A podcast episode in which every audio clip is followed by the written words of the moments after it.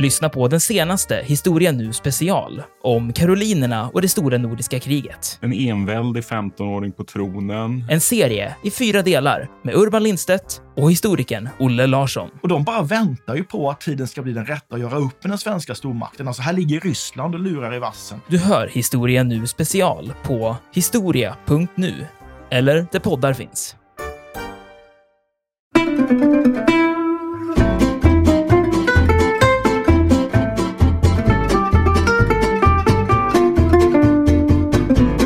En läkare konstaterade det här ganska snyggt när han egentligen bara sa så här, vad vi kan veta är följande. Vad vi har att göra med i fallet Alexander den store, det är en kolerisk, svårt traumatiserad alkoholist som sannolikt led av magsår och en missbildad kotpelare och som dog vid 33 års ålder i sviterna av feber.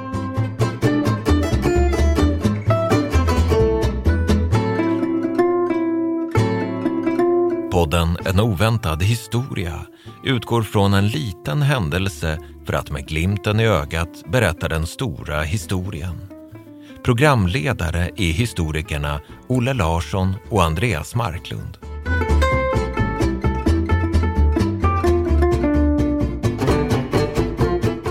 Hallå Andreas! Tjena! Vet du vad jag har tänkt på? Vadå? Jo, att när, det, när man undervisar så slår den ibland att det verkar finnas personer i historien som alla människor känner till och har någon slags eh, uppfattning om. Jag tänker till exempel på Julius Caesar. Jag tänker på Adolf Hitler. Jag tänker på eh, den egyptiske faraon Tutankhamon. Har du några fler exempel på just sådana här personer som alla verkar känna till? Oj, alla. Eh, det är svårt att svara på. Jag känner mig inte som alla. Men eh, Columbus kanske? Ja. Stalin? Absolut. Inte så positiv konnotation, men ändå. Rickard Lejonhjärta? Karl XII, i alla fall om man är född i Sverige. Absolut. Det finns ju flera sådana. Men en jag tänker på och som jag tänkte att vi ska prata om idag är nämligen Alexander den store. Eh, han är ju oerhört fascinerande, tycker jag. Alltså mannen då som är en, eh, man beskriva honom som? En skicklig fältherre, bygger upp ett enormt välde som sträcker sig från Adriatiska havet i väster till Indien i öster. Han kunde titulera sig kung över Makedonien, farao i Egypten och härskar över Persien och Asien. Och det är ju inte dåligt får man säga. Imponerande. Absolut. Men innan vi kommer in på det här med Alexander den stores liv och inte minst hans död, så tänkte jag att vi ska komma lite grann i stämning. Och jag ska ta med dig på en resa i tid och rum. Och vi ska ge oss tillbaka till den 10 juni år 323 f.Kr. Och vi befinner oss nu i Nebukadnessars palats i Babylon. Och här ligger en 33-årig man för döden. Han har varit sjuk i flera dagar.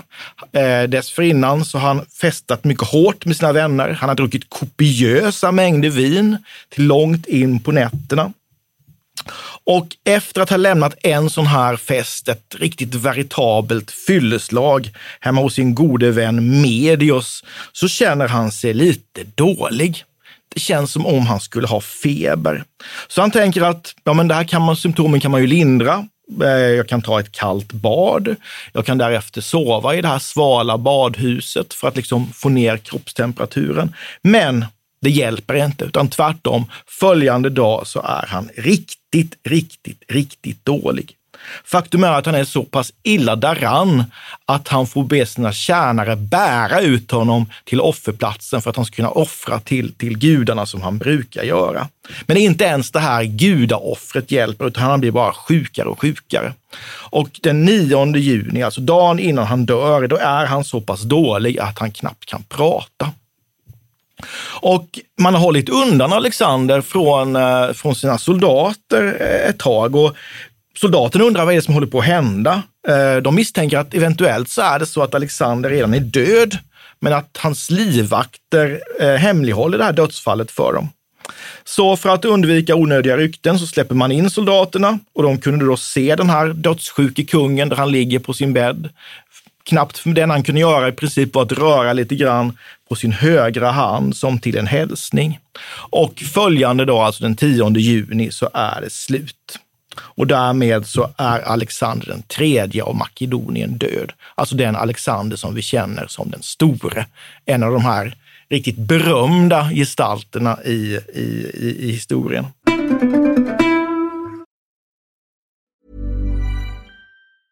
A lot can happen in three years, like a chatbot may be your new best friend. But what won't change? Needing health insurance. United Healthcare Tri Term Medical Plans, underwritten by Golden Rule Insurance Company, offer flexible, budget friendly coverage that lasts nearly three years in some states. Learn more at uh1.com. Quality sleep is essential. That's why the Sleep Number Smart Bed is designed for your ever evolving sleep needs. Need a bed that's firmer or softer on either side? Helps you sleep at a comfortable temperature? Sleep Number Smart Beds let you individualize your comfort so you sleep better together. JD Power ranks Sleep Number number 1 in customer satisfaction with mattresses purchased in-store. And now, save 50% on the Sleep Number limited edition Smart Bed for a limited time. For JD Power 2023 award information, visit jdpower.com/awards. Only at a Sleep Number store or sleepnumber.com. Millions of people have lost weight with personalized plans from Noom, like Evan, who can't stand salads and still lost 50 pounds. Salads, generally, for most people, are the easy button, right? For me, that wasn't an option. I never really was a salad guy. That's just not who I am. But Noom worked for me.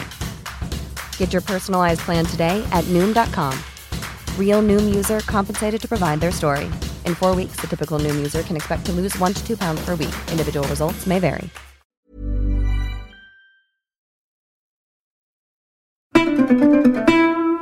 Men Andreas, ska vi ta det här från början? Vad är det vi vet om honom egentligen? Alltså, när föddes han? Vilka var hans föräldrar? Hur såg hans uppväxt ut?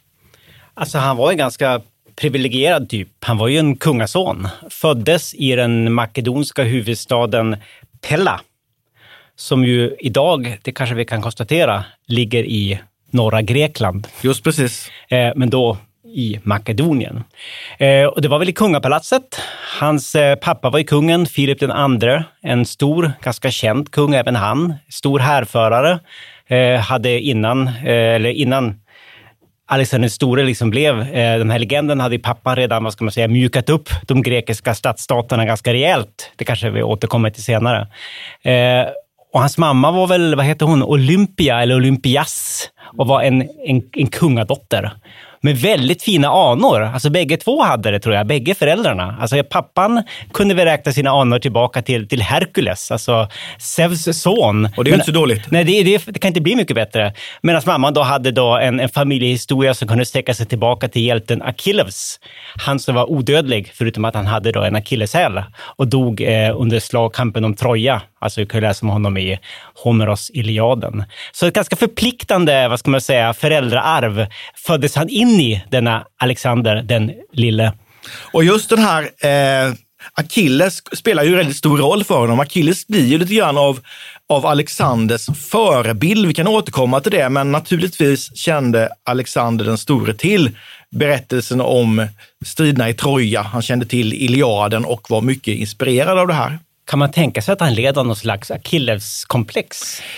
En del av de saker han gör under sitt liv tyder ju på att så skulle kunna vara fallet. Jag har aldrig hört talas om detta, men det skulle vara rimligt. Alltså, Ja, absolut. förknippar ju ofta Achilles med en häl. Eh, men Det skulle kanske kunna vara ett komplex också. helt klart. Men jag tycker också det är lite spännande. Han, alltså han föds ju i en tid där man, där jär, man tror på järtecken. Järtecken, järtecken som vasslar om framtiden. Och faktum är att när han föds då den här dagen, den 20 juli år 356 f.Kr. så råkar ju det här vara exakt samma dag, eller snarare samma natt, som Herostratos eldar upp Artemistemplet. Det är förstås ett av antikens sju underverk och som ger honom då herostratisk ryktbarhet. Ja, ett herostratiskt berömt exempel ur Just historien kan man säga. Men vad vet vi om Alexanders undervisning? Vad får han för, för utbildning? Alltså den är väl ganska topp toppklassig kan man säga. Alltså det är ju självaste Aristoteles som är hans huvudlärare, som tränar honom då som en slags ung adept. eh, i, i kritiskt tänkande och i filosofi och allt möjligt. Så han får ju en ganska optimal skolning. Samtidigt som han naturligtvis också, som sagt, han, eh, han läser sin Homeros, eller Homeros, och han tränas ju upp till krigare. Alltså han har en ytterst krigiskt orienterad och krigiskt ganska skicklig, alltså militärt skicklig pappa, som bekant. Pappan lär ju ha varit i princip ärrad över hela kroppen. Saknar han ett öga till och Stor, med? muskulös och enögd. Just han hade en lapp för ena ögat. Och måste ju ha gjort ett ganska så sk- skräckinjagande intryck Ja, på det sin tror jag. Och de, hade, de hade en lite jobbig relation va? Ja, det verkar ju som att, också hade, att han också kunde bli lite kvickilsk. När du säger att de har en dålig relation, är det något speciellt du tänker på?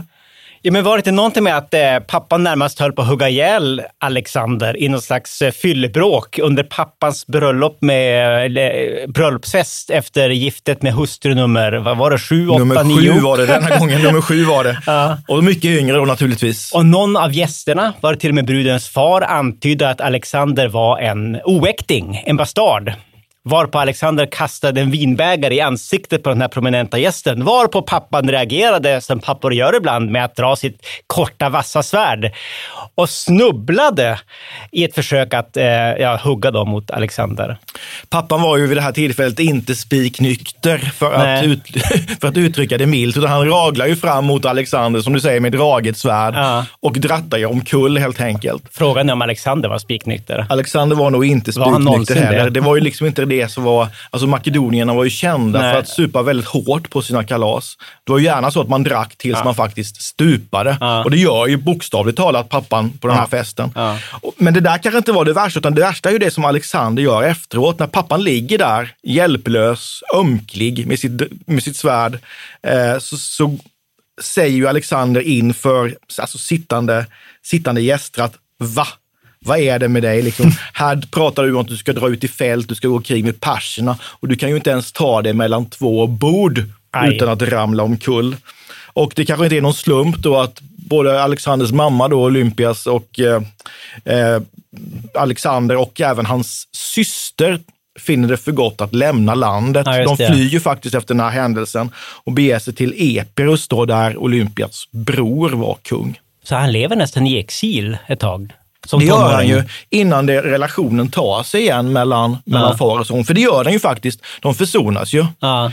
Eh, men man kanske kan förstå då på Filip den andre att han inte, på hans agerande, att det, det är, han måste ju genom sitt agerande och sätt att vara ha skaffat sig en hel del ovänner. Ja. Och det är ju det som liksom blir hans, hans öde också. Han blir ju faktiskt nedstucken av en av sina närmaste män, sin egen livvakt, Mm.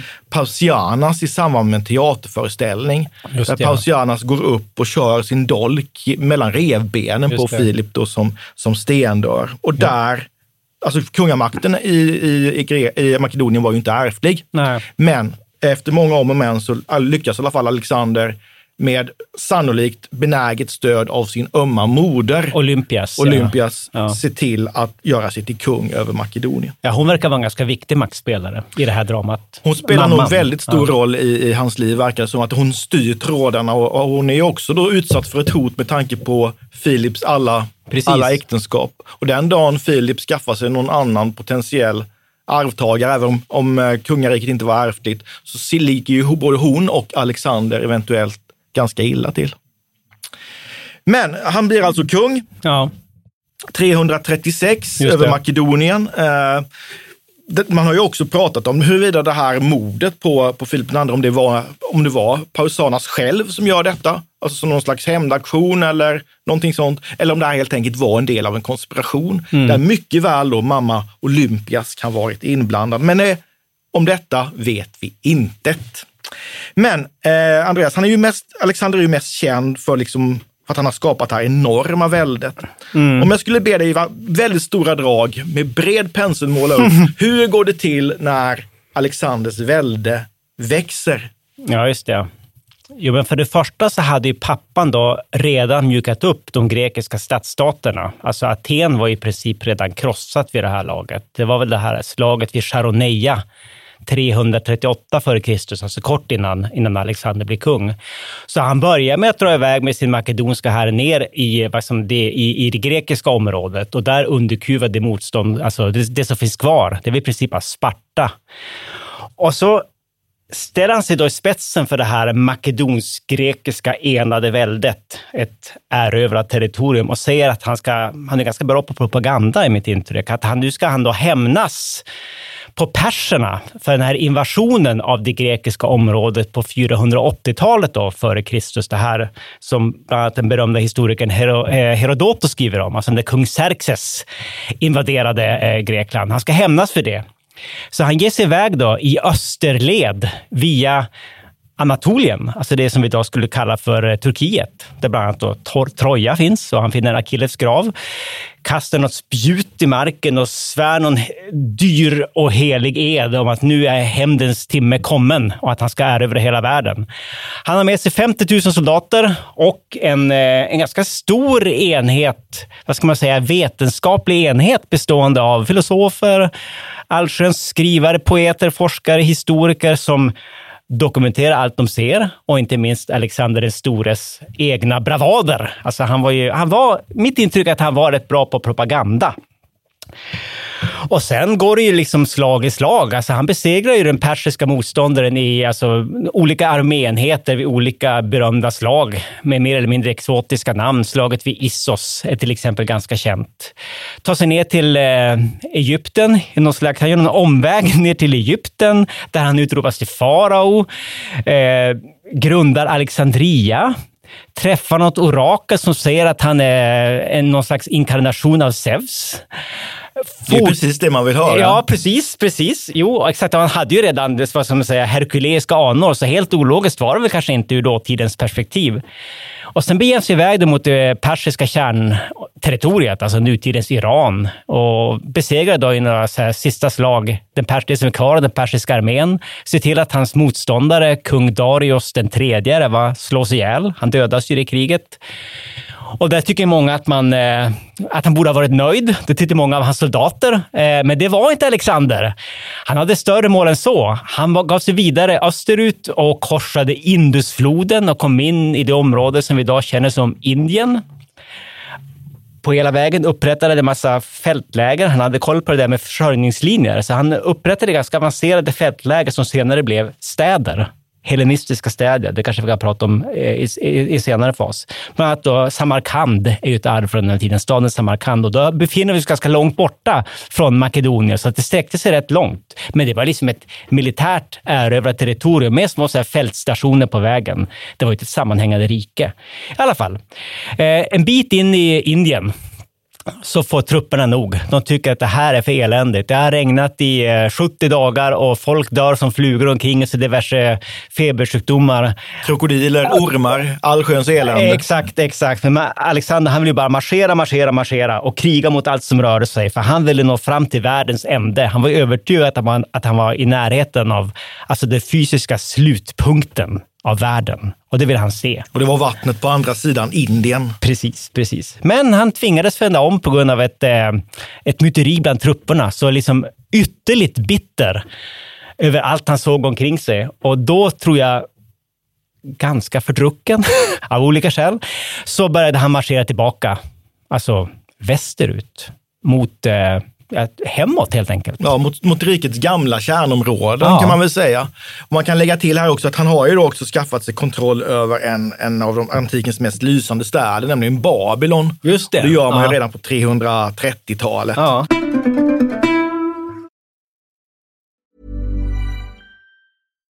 Here's a cool fact. A crocodile can't stick out its tongue. Another cool fact. You can get short term health insurance for a month or just under a year in some states.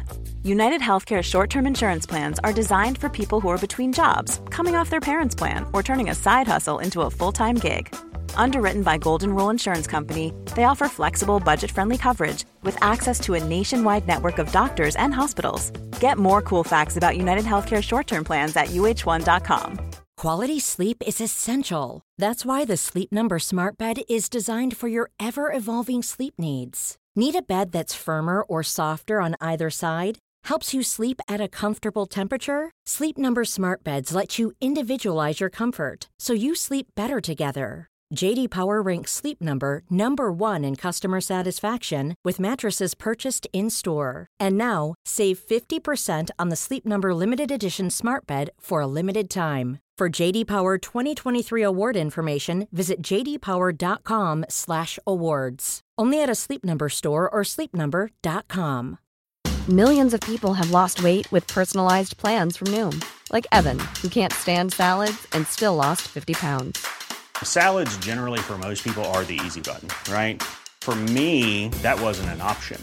I never really was a salad guy. That's just not who I am. But Noom worked for me. Get your personalized plan today at Noom.com. Real Noom user compensated to provide their story. In four weeks, the typical Noom user can expect to lose one to two pounds per week. Individual results may vary.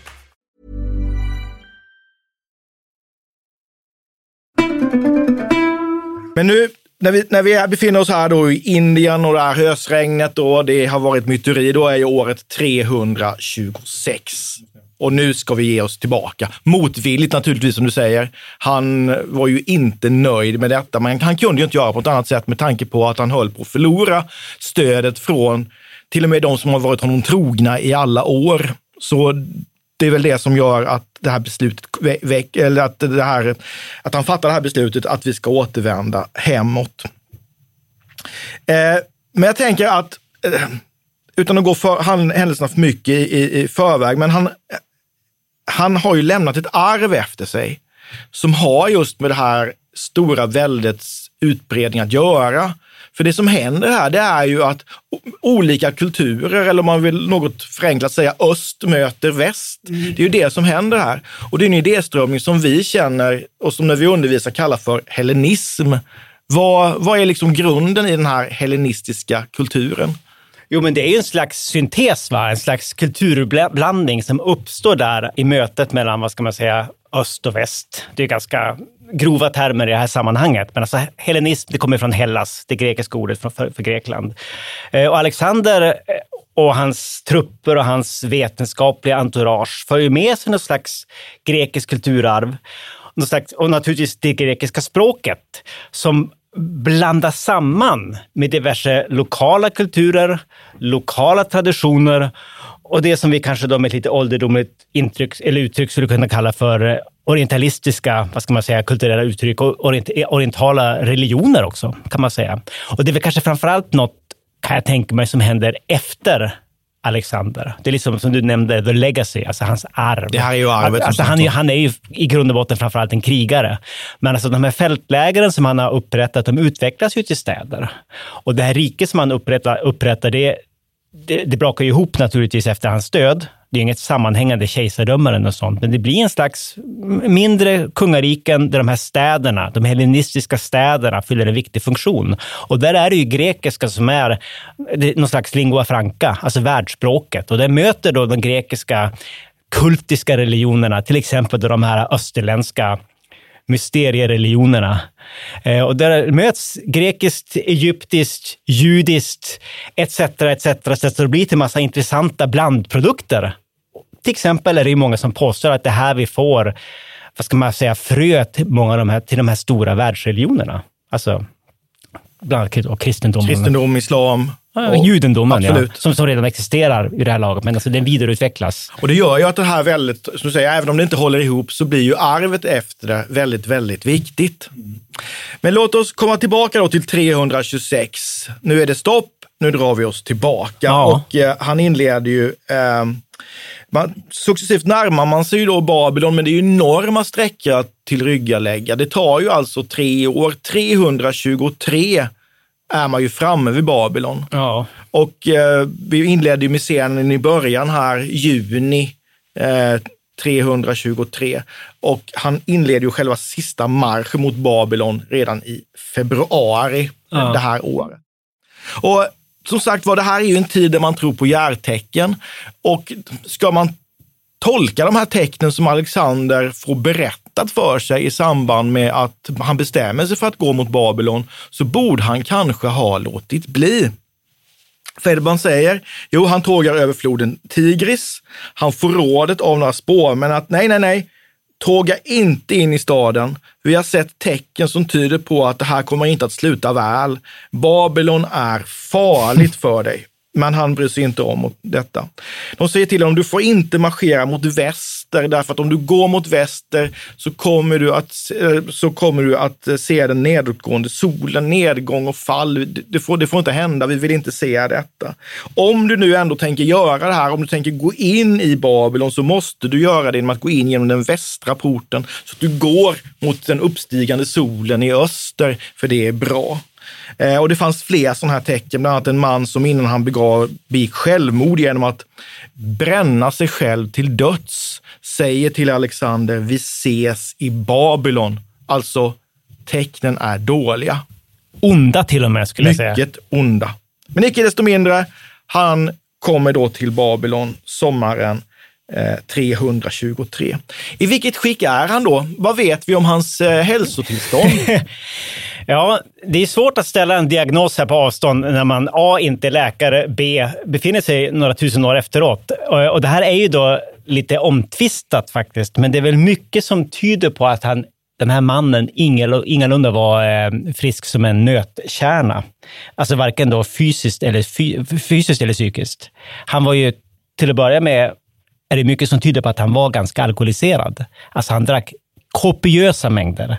Han drack konstant och han drack väldigt mycket. Alltså även då enligt dåtidens synsätt. Alltså det noterades då att han eh, ofta kunde uppföra sig väldigt irrationellt eh, under vinets påverkan. Han dödade bland annat en, en kompis, möjligen en älskare till och med, under ett eh, deliriskt rus. Och det får ju faktiskt avstå från alkohol inte mindre än tre dagar. precis. Ja, precis. Så det måste ha gått honom hårt ja. till sinnes. Eh, tre vita dagar, ja. ja. just det. En vit period. Eh, nej, men så var han väl, eh, framförallt i slutet av sitt liv, så led han ju då någon slags paranoia, eller vad man ska säga. Han var ju sjukligt misstänksam och kämpig. Han jobbade ju stenhårt. Han var ju konstant i rörelse. Alltså, han måste ju ha varit allmänt utbränd och nedsliten. Plus att han också rörde sig genom alltså ganska bokstavligt talat sumpiga områden. Alltså det är ju det är djungler och det är träsk. Alltså trakter som är hemsökta av diverse hemskheter. Vi snackar ju ohyra, myggor som sprider farliga sjukdomar, amöbor och parasiter och allt möjligt. Och vi vet ju också att han vid flera tillfällen sårades mycket svårt i strid och var nära att dö av detta, mm. vilket naturligtvis kan ha skapat någon slags posttraumatisk stress hos, mm. hos honom.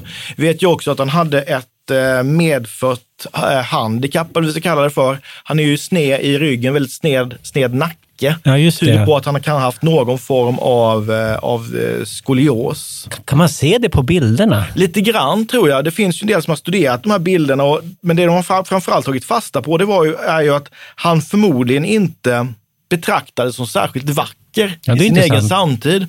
Han var liksom inte en grekisk eh, idealbild egentligen. Han var, han var ljushårig, han bar inte skägg, han var ljus i hyn, vilket måste ha väckt ett, ett visst uppseende. Han var ganska kort, mm. men precis som sin pappa väldigt muskulös, mm. vilket man naturligtvis blir med den, med den typen av, av leven. Om man bortser från alkoholen så var han ju ständigt i rörelse. Eh, mycket krigiska övningar. Han, eh, hans uppsyn beskrivs som, som skrämmande blicken som liksom lätt diffust vattnig och sen den här den sneda nacken då. Det låter som man skulle kunna spela som den här gamla tyska skådisen Klaus Kinski. Ja, men precis. Jag tänkte faktiskt på honom när, när jag läste den här beskrivningen av Alexander. Ja. Vem, om jag skulle göra filmen om Alexander, vem ja. skulle jag casta? Ja, ja, precis. precis. Vi kan säga att det finns ju faktiskt en film om Alexander, det finns ju fler filmer, men den senaste är den här som gjordes av eh, Oliver Stone 2004. Är det han Colin Farrell som spelar Just precis. Alexander Stora där? Ja, och han är ju ganska lik så. Men, men kanske snyggaste laget då? Kanske snyggaste laget, och, ja. Och, och relativt, är han inte något så här, åtminstone brunmuskig? Ja, jag tänkte säga beige, men och, och, olivfärg, ja, men så, ja. ja, ja. Han, han, har inte, vad ska man säga, Klaus Kinskis complexion, som det heter. Han är inte så genomskinligt blek. Nej, och det var ett tag sedan jag såg filmen nu, men jag vill minnas också att den var, det man tog fasta på där var ju Alexander som slags kulturbyggare och ja, egentligen mindre Alexander som, som, som krigaren och inte just det här med att det är klart att det finns mycket dryckesscener i det, men han framställs aldrig som speciellt sjuk. Men, men, men forskningen säger ju ändå någonting annat. Jag ställer mig ganska tvivlande till den idén om Alexander som kulturbyggare. Jag tror att han var en eh, försupen flåbuse. Och att hellenismen blir någon slags efterhandskonstruktion. Precis, och att han var bra på propaganda. Absolut. Jag delar helt och hållet den, den uppfattningen. Eh, men om vi går tillbaka till hans, hans, hans, eh, hans fysiska tillstånd. Vi har då konstaterat att han drack kraftigt, eh, ohyggligt mycket till och med, även med dåtidens mått mätt. Kan man tänka sig att han hade andra sjukdomar? Du, du nämnde att han har, gått, han har vistats i områden där det finns otäcka myggor. Man nämner ju oftast då att, ja, att han före sin död klagade över frossa, svettningar. Ja, utmattningskänslor och, och feber. Ja. Alltså man återkommer ofta till just precis den här febern. Så liksom tyfus, malaria, denguefeber pratar man ju om idag. Alltså som... Eh, vi kanske ska prata om den konkreta dödsorsaken lite senare, men alltså som, som västerbottning som vet att även de vackraste fiskeplaner till exempel kan grusas av en mygga eller ett antal myggor, så tror jag, jag tror att någon obehaglig febersjukdom spriden av de här myggorna som fanns i de här områdena kring Babylon, det är ju sumpmarker. Kombinerat med hans ganska svaga allmäntillstånd, kombinerat med alkohol och allt sånt. Jag tror att det kan ha varit en av förklaringarna. Men alltså, jag, jag har faktiskt läst en, en, en, en diagnos som ställdes ganska nyligen av någon nederländsk läkare som fick en del uppmärksamhet. Hon påstår ju att, att han förmodligen då led av någon slags autoimmun nervsjukdom som bröt ner honom. Och som gjorde att han då, de här symptomen som du läste upp där i startscenen, att han på något sätt successivt så släcktes liksom systemet ner. Alltså att han gick från att liksom, ja, var, var väl ganska god vigör, paralyserades i ganska rask takt, förlorade talförmågan och sen låg han kvar i flera dagar och andades, andades väldigt svagt och kunde inte göra så mycket annat. Det var så pass svagt att folk länge trodde att han var död. Han levde förmodligen fortfarande efter att ha blivit dödförklarad. Det noteras tydligen då i, i samtida källor att hans kropp förmultnade inte. Det tog ett antal dagar innan hans kropp började gå i upplösning. Eh, och det har man då tolkat i samtida krönikor som ett tecken på att han verkligen var eh, Zeus inkarnation på jorden. Men anledningen att den här nederländska läkaren var kanske att han fortfarande levde. Man kollade inte pulsen på den tiden, man kollade andedräkten och han andades, men jättesvagt. För det var andedräkten som var just tecken på liv. Precis, precis. Pneuma, anden. Just precis. Ja, det är mycket intressant det här med, med hans... Det finns ju väldigt mycket skrivet om just hur dog Alexander. Och en vanlig uppfattning har ju varit att han har blivit giftmördad. Ja. eh, Därför att han hade ovänner omkring sig. Inte det, orimligt. Absolut inte. Det kan vara hans generaler, det kan vara en halvbror, det kan vara hans andra hustru som eh, hade synpunkter på honom. Helt klart. Och därmed kunde tänkt, mycket väl kunde tänka sig att ta honom av daga. Det har ju också, vi har ju pratat om hans superi, men alltså det finns ju också de som menar på att det är själva supandet i sig så, som dö, det är liksom en, en rejäl fylla som gör att han faktiskt dör. Han ska ju enligt någon ha avslutat sista festkvällen genom att kolka i sig, svepa sex liter vin. Och det kan ju inte vara bra för någon. Nej. Så att efter att ha, ha svept de här, den här stora mängden vin så känner han då en ohygglig eh, smärta i ryggen och sen att han då får feber och det har en del då, forskare tolkat som att han drabbas av en akut bukspottkörtelinflammation. Alltså förorsakad av Precis, vinet. Förorsakad av, alltså, av, av vinet som löser ut detta. Och en del har då sagt att, ja, att det kan också vara en akut alkoholförgiftning. Just av de här sex literna konsumerade på en och samma gång. Inte orimligt. Eh, det finns ju en, en nu har, ju, har man ju det, alltså det, det är ju jättesvårt att ställa diagnoser på döda personer. Som, Onekligen. absolut, men de har ju försökt göra det. Det har ju spekulerats i till exempel om eh, Jeanne d'Arc med sina syner egentligen led av epilepsi. Om eh, kejsar Claudius eventuellt led av cerebral pares. Om Mozart med sin svårighet att anpassa sig till olika situa- situa- eh, sociala situationer eventuellt kan ha haft Tourettes. Och Karl XII Aspergers. Precis, har vi fler sådana? Eh, Alltså, massor. Alltså, he, Churchill var bipolär. Ja, Erik XIV eventuellt galen. Ja. Så. Och, och att eh, Martin Luther led av ett Oidipuskomplex. Ja, det är intressant. Eh, men icke desto mindre så har ju det här inte hindrat människorna att försöka liksom söka och ställa diagnoser på historiska människor. Och naturligtvis också på Alexander. Och idag finns det ju en databas som heter ICD-10 på svenska, International Statistical Classification of Diseases eh, and Related Health Problems, gemenligen kallad ICD-10. Och det man har gjort här då, är att man har gått igenom de här källorna som finns om Alexander den store, om hans eh, död. Eh, det finns ju inga samtida källor bevarade, men däremot finns det avskrifter eh, något senare av källor som ska ha varit samtida. Så de har man använt sig av och man har tittat på avbildningar, mosaiker, mynt och så har man liksom matat in de här eh, eh, olika eh, faktauppgifterna i den här databasen. Och så, jag tänker lite grann som när jag var liten såg professor Baltasar. Man stoppar in det här, så drar man i en spak. Och vad fick man ut här? Vad, fick, vad kunde forskarna konstatera? Vad, vad led han av? Blev vi klokare av detta? Han led väl av närmast allt, som jag har förstått det. Alltså, allt som man inte ville lida av. Alltså tyfus, nilfeber, malaria, psykiska störningar orsakade av alkohol, abstinens, delirium, PTSD, så det finns helt enkelt en hel del att välja mellan. Och det går heller inte helt och hållet att, att avfärda den här tesen om, om förgiftning därför att eh, man har ju då, menar man på, att man kan se att han förmodligen har drabbats av ja, stryknin, arsenik eller diverse otäcka eh, växtgifter. Så igen, och dessutom är ju problemet, vi har ju ingen kropp. Vi vet ju inte var Alexander är någonstans. Vi kan inte ta vävnadsprover på honom.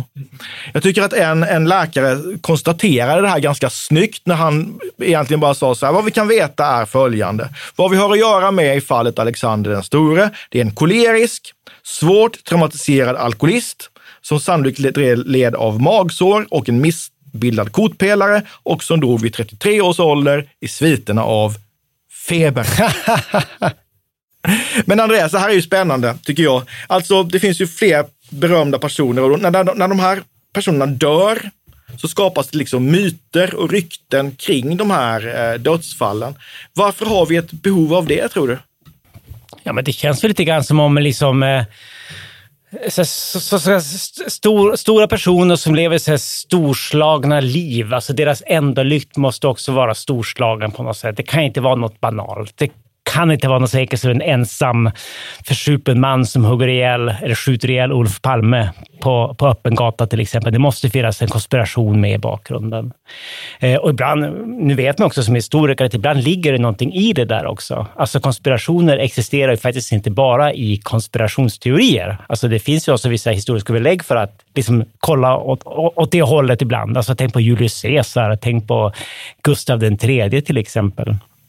Och i fallet Alexander så är det väl så enkelt att vi helt enkelt inte, eh, eller många helt enkelt inte vill att han ska dö av något så banalt som ett myggbett. Ja, men det, det, tror jag fortfarande då. tror jag också. Tack för idag Andreas. Tack ska du ha. Hej! Hej! Vi tackar programledarna Olle Larsson och Andreas Marklund. Kontakta gärna Olle och Andreas på ovantad.historia.nu. Vi läser allt men hinner kanske inte alltid svara.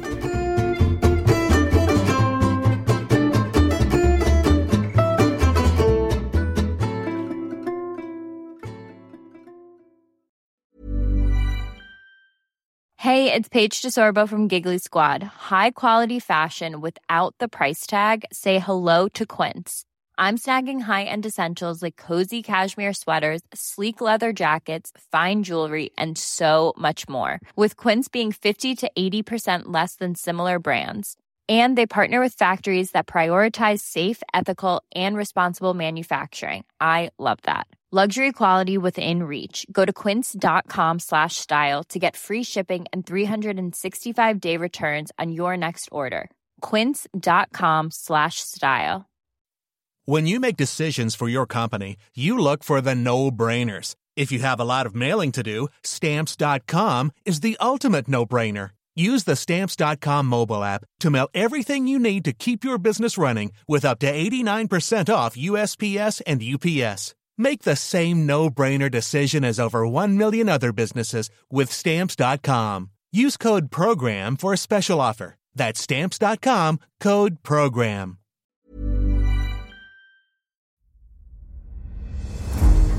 Jakob de la Gardie är den enda svenska fältherre som lett en armé till Moskva och trätt fram inför tsaren. Bedriften gjorde honom till en av 1600-talets största befälhavare. Moskvas erövrare är den första biografin över Jakob de la Gardie, en av stormaktstidens portalfigurer.